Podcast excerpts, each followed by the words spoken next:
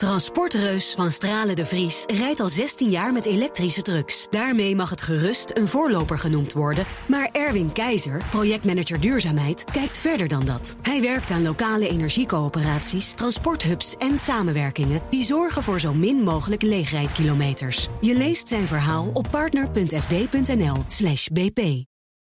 Daily Move, BNR Nieuwsradio. Kees Dorrestein en Liesbeth Staats.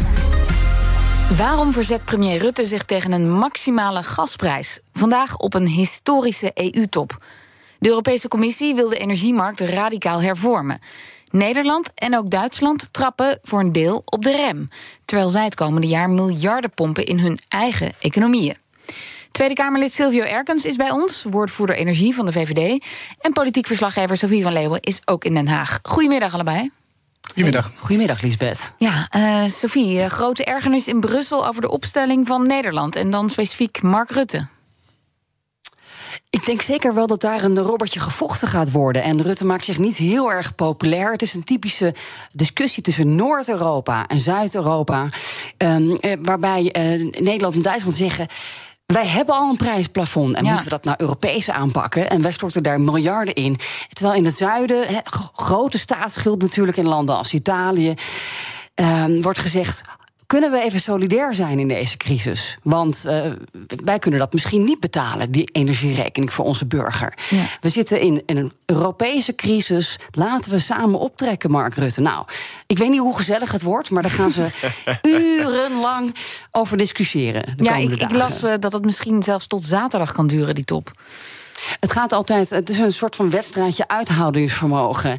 Wie, uh, wie het beste zonder slaap kan. Mark Rutte heeft daar wel goede papieren, denk ik. Die wint. Maar bij de coronacrisis hebben we natuurlijk ook gezien. En toen verzette Nederland ook Hoekstra zich tegen gezamenlijke leningen. Dat was historisch wat daar gebeurde. Dat verzet hebben ze uiteindelijk wel op moeten geven. Ja. Dus het zou ook nog maar eens heel erg spannend kunnen worden. Ja, nou, Silvio Erkens, energiewoordvoerder dus voor de VVD. Ja, waarom houdt Rutte de zo stijf? Een Europees prijsplafond, dat klinkt eigenlijk heel logisch, want het gaat ons allemaal aan. Ja, het klinkt heel logisch, maar het is eigenlijk heel gevaarlijk. Dus een Europees prijsplafond betekent eigenlijk dat eh, we bereid zijn minder te betalen voor de inkoop van gas naar Europa. Nou, importeren we dat uit landen als, als Qatar, uh, Midden-Oosten, uit de VS en ga zo maar door. Nou, wereldwijd zijn wij niet de enige. Uh, landen die dat gas willen hebben. China wil ook gas inkopen, Japan wil dat, Korea wil dat. Als jij zegt, ik doe er een prijsplafond op leggen en wij betalen er minder voor, dan is de kans heel groot dat gewoon dat gas niet meer naar Europa per schip komt. En dat we echt gewoon tekorten gaan krijgen. Ja, waardoor de prijs in Europa nog hoger wordt en ja, de schade gewoon niet te overzien is. Ja. Toch, eh, we zitten hartstikke goed voor komende winter. Dus waarom maakt u zich zorgen over die tekorten dan? Ja, dus je moet ook kijken naar de winter daarna. Dus wat we zien is dat de gasopslagen inderdaad nu gevuld zijn. De prijs gaat daar ook wel wat omlaag, hè, omdat gewoon de rust iets terugkeert op de markt. Uh, maar als wij de winter uitkomen met de gasopslagen volledig uh, leeg, ja, dan wordt het volgend jaar nog moeilijker om die weer net op tijd te kunnen volgen voor de winter van volgend jaar. Dus wat we eigenlijk moeten voorkomen is dat we nu niks meer importeren de komende maanden. En dat we gewoon helemaal geen interen op die gasopslagen. Dus wat we eigenlijk willen is dat we blijven importeren de komende maanden. Ja, in ideaal dat die gasopslagen misschien nog half vol hebben na de winter, zodat we ook de winter erna niet nog een groter probleem krijgen. Ja, maar, er zitten heel veel Europese burgers wel in de kou. Misschien uh, de Italianen, ik roep het is daar een stukje warmer dan hier. Maar toch, als, als jij die rekening niet krijgt gecompenseerd of als bedrijf, dan, dan stort je economie toch in? Ja, en dat is de discussie die hieronder zit. Dus wat um, de landen die voorstander zijn van een prijsplafond willen, ja, volgens mij is het gewoon natuurlijk een gelddiscussie. En gaat het erom dat zij hun burgers um, ja, onvoldoende kunnen blijven compenseren bij deze hoge prijzen. Wat ook te maken heeft natuurlijk met de historisch hoge schuldenberg die ze hebben. En ja, Frankrijk heeft 40 jaar lang een begrotingstekort op rij gehad. Ja, dan is er uiteindelijk de ruimte om te compenseren via een nationaal prijsplafond, uh, via regelingen. Ja, die is beperkt. Dus dat ligt hier eigenlijk onder. Maar als je dit argument op tafel legt in Brussel, dan krijg je gigantische ruzie. Dat hebben we eerder gezien. Dan krijg je ontzettende ruzie. Ja. ja. Het is niet het moment voor dit argument. Nee, het is niet het moment voor dit argument. Ik denk dat het goed is nu. Eh, daarom heeft trouwens Nederland, uh, minister-president Rutte en minister Jette vorige week ook een aantal voorstellen gedaan. Dus wat zijn de ingrepen die nog kan doen op de gasmarkt, die misschien ook de prijs omlaag brengen. Zonder dat je nou ervoor zorgt dat die schepen niet meer naar Europa komen met het gas. Dus het zijn ja, tien zeg maar, pragmatische verbetervoorstellen eigenlijk. Kijk, het wordt sowieso een historische EU-top. Maar je zou ook kunnen zeggen, ook met corona in het achterhoofd. Uh, het gaat nu over energie, maar eigenlijk is het symbolisch. Dit soort grote thema's, die wil je toch als Europa aanpakken? Want waarom ben je anders bij elkaar? Sophie. Wat ze Brussel denk ik zeggen is never waste a good crisis. Dit is het moment om grandioos te hervormen. Von der Leyen wil dat ook onder andere met het prijsplafond of het dynamische prijsplafond. Je kunt geschiedenis schrijven, dus dat ligt nu op tafel. Een price cap, gezamenlijk inkopen, dat soort dingen waren tot voor kort onvoorstelbaar. En uh, ja, het kan zomaar eens gebeuren de komende dagen. Maar meneer Erkens, dat, dit is toch als het zo uh, historisch is en ook zo symbolisch, dan is dit het, toch het moment om als lidstaten te zeggen: oh ja, hiervoor waren we bij elkaar als EU. Nee. Kijk, volgens mij moet je inderdaad zorgen dat de rijen gesloten blijven. Hè. Dus waarom werken we veel vlakken al samen met andere landen? Hebben we ook afspraken gemaakt wat er gebeurt als er een tekort in bepaalde landen is, hoe elkaar helpt daarbij. Uh, dat betekent ook dat elke lidstaat zijn eigen verplichting heeft. En wat je ziet is dat Nederland um, relatief veel energie bespaard heeft het laatste jaar dat Nederland de gasopslagen gevuld heeft. Die zijn ook echt heel groot, die Nederlandse gasopslagen. Die zijn nou, bijna net zo groot als wat heel Duitsland voor zichzelf heeft. Dat is een veel kleiner land. Dus wij dragen daar ook een steentje aan bij. Maar we zien dat andere landen zelfs meer gas zijn gaan verbruiken. En dat zijn diezelfde landen die nu aankloppen ja, op meer financiële compensatie. Dan denk ik ook van ja, je hebt ook je eigen verantwoordelijkheid. Maar daar kun je toch afspraken over maken? Over dat verbruik? Ja, die afspraken zijn gemaakt, maar die zijn niet bindend. En sommige landen ja, die houden zich daar gewoon niet aan op dit moment. Dus ik, snap best wel dat uh, Nederland Duitsland op de rem gaan staan. Want volgens mij moet je ervoor zorgen dat je wel ja, niet vanuit paniek nu keuzes gaat maken die echt gaan zorgen voor een groter probleem in Europa. Een groter gastekort, nog hogere prijzen. En wat je merkt is dat veel landen ja, eigenlijk toch wel een beetje in paniek aan het raken zijn door die hoge prijzen. Dat ze niet meer kunnen compenseren. Maar het is voor mij ook van belang om het hoofd koel te houden. En dan wel de dingen te doen die ons uit deze energiecrisis te helpen. En niet ja, dingen te doen die het verergeren. Dat is mijn angst nu. U zegt niet, dit is het moment voor grote Europese solidariteit. En, en nu doorpakken, zou Bob Hoekstra zeggen.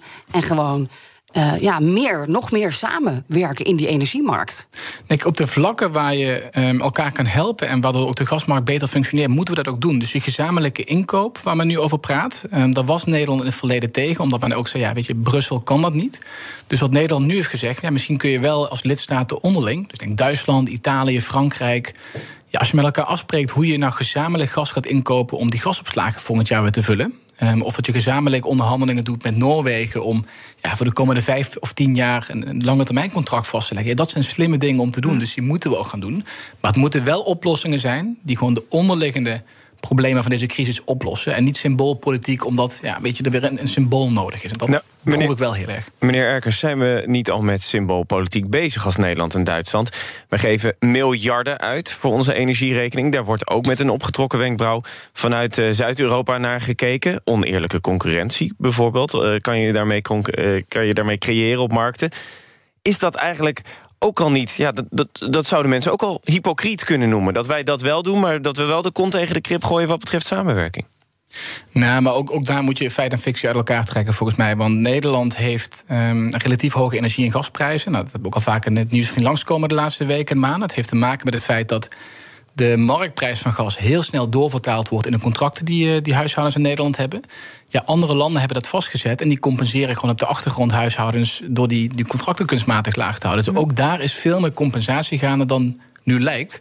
Dus wat hieronder ligt, ja, wat we ook met corona zagen, het, is wel weer een gelddiscussie uiteindelijk. Ja, en het betekent dat ook dus dat we uh, niet gezamenlijk meer willen lenen, want dat ligt toch ook op tafel. Als je uh, een price cap gaat maken voor Europa, dan moeten we weer indirect de, leningen van de Italianen gaan betalen. Ja, en, daar zijn wij huiverig voor. Uh, want je moet ook voorkomen dat je bij elke crisis, hè, we weten niet of dit de laatste crisis kan zijn die we hebben, dat je elke keer weer opnieuw grijpt naar we moeten gezamenlijk extra gaan lenen. En dat vind ik gevaarlijk, want zolang je die onderliggende problemen niet oplost, het is gewoon een probleem van vraag en aanbod. Er is te weinig gas, want Russisch gas valt weg. En er is te veel vraag, dus je moet meer energie besparen. Als je dat niet oplost, dan blijf je gewoon geld tegen een probleem aangooien zonder dat het probleem weggaat. Maar dat houden we niet vol met elkaar. De vorige keer heeft premier Rutte daar uiteindelijk wel mee ingestemd. Dus ja, wie zegt niet dat hij dat gewoon weer gaat Vrijdagavond laat. Ja, of zaterdagochtend heel Zaterdagochtend vroeg, ja. als hij bijna omvalt van de slaap? nou, volgens mij was vooral voordelig is een prijsplafond de import van gas inderdaad op dit moment. En zaken als gezamenlijke inkoop. Ik denk inderdaad dat we als Europa uh, meer gezamenlijk gaan optrekken om contracten in te kopen, om te onderhandelen met de Amerikanen, de Noren, uh, Qatar, gaan ze maar al door. Dat lijkt me logisch om te doen. En ik hoop dat er op een aantal andere vlakken ook stappen gezet worden. Zoals meer energie besparen. Um, en maar meneer, maar door. Meneer Erkens, uh, is het ook niet van premier Rutte een stuk hard eigenbelang? Want Nederland verdient op dit moment miljarden aan, uh, aan de gasbaten. Ja, Nederland verdient daar miljarden aan, maar we gaan natuurlijk nog veel meer geld kwijt zijn aan het compenseren van de hoge prijzen. Dus als je kijkt naar netto, dan kost deze, deze, crisis ons ook ontzettend veel geld als Nederland. Dus dat is niet het eigen belang. Maar, ik denk wel dat er het eh, eigen belang Kaag zit in. Heeft wel gezegd, ja, we kunnen bepaalde gaten dichten met de miljarden uit de gas. Ja, dus wat je ziet is met het prijsplafond wat voorgesteld is nu. Dus als de gasprijs verder zou stijgen, dan zou elke euro die we extra uitgeven aan het prijsplafond, daarvan ja, kunnen we 50 cent ongeveer zeg maar, weer dekken met um, ja, de opbrengsten vanuit gas. Dus de helft zou ervan zijn. Maar die andere helft moeten we alsnog dat is nog op een andere manier betalen. Dat is veel, maar de kosten zijn natuurlijk enorm. En lopen in en misschien de tientallen miljarden. En dat uh, dynamische prijsplafond, wat von der Leyen voorstelt, hoe ziet dat er precies uit? Weten we dat al? Ja, dat is een ontzettend goede vraag. Ik heb heel veel mensen gesproken erover, experts, mensen in Brussel. Um, en de meeste mensen snappen nog steeds niet wat ze nou echt bedoelt hiermee, in alle eerlijkheid. Want een prijsplafond is volgens mij gewoon een verraste prijs vaststellen. En als het mhm. dynamisch is, betekent dat die prijs de hele tijd beweegt. Kijk, wat er volgens mij onder zit, um, is het feit dat men bang is dat er door speculatie op de markt de prijs nog meer omhoog gedreven wordt. En dat je daar een aantal ja, waarborgen voor gaat bedenken om te voorkomen dat dat gebeurt. Dat lijkt me volgens mij verstandig. Speculeren speculeren om dat wel ja, te voorkomen dat dat gebeurt. Dat, dat gebeurt op sommige vlakken wel, is een vermoeden. Um, ja, of je een dynamisch prijsplafond moet noemen. Ik, ik, snap de naamgeving niet zo goed op dit moment nog, maar we gaan het zien. Maar meneer Erkens, we, hebben heel vaak energiespecialist uh, Jillis van de Beukel hierover gehoord. Uh En die zegt één ding, en dat is toch wel uh, een, een, een, waarheid op dit moment. Er is niet minder gas in de wereld. Dus stel dat daardoor uh, verkopers zeggen... wij verkopen niet meer aan Europa dan betekent het ook dat er meer gas is in de rest van de wereld. Dus, ja, u kent het ook, zakt de prijs, eh, marktwerking. Dus kan dit dynamische prijsplafond er juist niet voor zorgen... omdat Europa zo'n grote inkoper en speler is... dat de hele wereldwijde gasmarkt dat daar de prijs gaat dalen. Dus, want het is, het is een beetje speculeren. U zegt de hele tijd dat de prijs omhoog gaat. Het hangt van twee zaken af. Dus wat je ziet is inderdaad, er is niet minder gas op de wereldmarkt. Um, maar veel van het gas kwam door buisleidingen vanuit Rusland naar Europa. Nou, die route is gesloten en daar zijn nog geen alternatieven voor. Dus je kijkt dan alleen naar de markt voor vloeibaar gas. Ja, LNG. de LNG is een duidelijk uh, alternatief, dat weten we nu al. Precies, dat is een duidelijk alternatief. Maar daar um, is de productiecapaciteit wel nog beperkt. Dus daar is nu veel meer vraag naar ontstaan. Uh, maar het aanbod dat gaat twee, drie jaar duren voordat het omhoog gaat. Dus daar zit het knelpunt nu ook echt op op dit moment. Ja. Um, nou, die top, ja. Eh, we moeten afsluiten. Die top die begint vandaag. Ik las dat in de gebouwen eh, van de grote vergadering de verwarming uitgaat in de gemeenschappelijke ruimtes. Dus de hallen, de trappenhuizen. Dat is verre van symbolisch, dat is gewoon hartstikke concreet. Silvio Erkens, energiewoordvoerder voor de VVD. En Sofie van Leeuwen, onze verslaggever. Dank jullie wel. Transportreus van Stralen de Vries rijdt al 16 jaar met elektrische trucks. Daarmee mag het gerust een voorloper genoemd worden. Maar Erwin Keizer, projectmanager duurzaamheid, kijkt verder dan dat. Hij werkt aan lokale energiecoöperaties, transporthubs en samenwerkingen die zorgen voor zo min mogelijk leegrijdkilometers. Je leest zijn verhaal op partner.fd.nl/bp.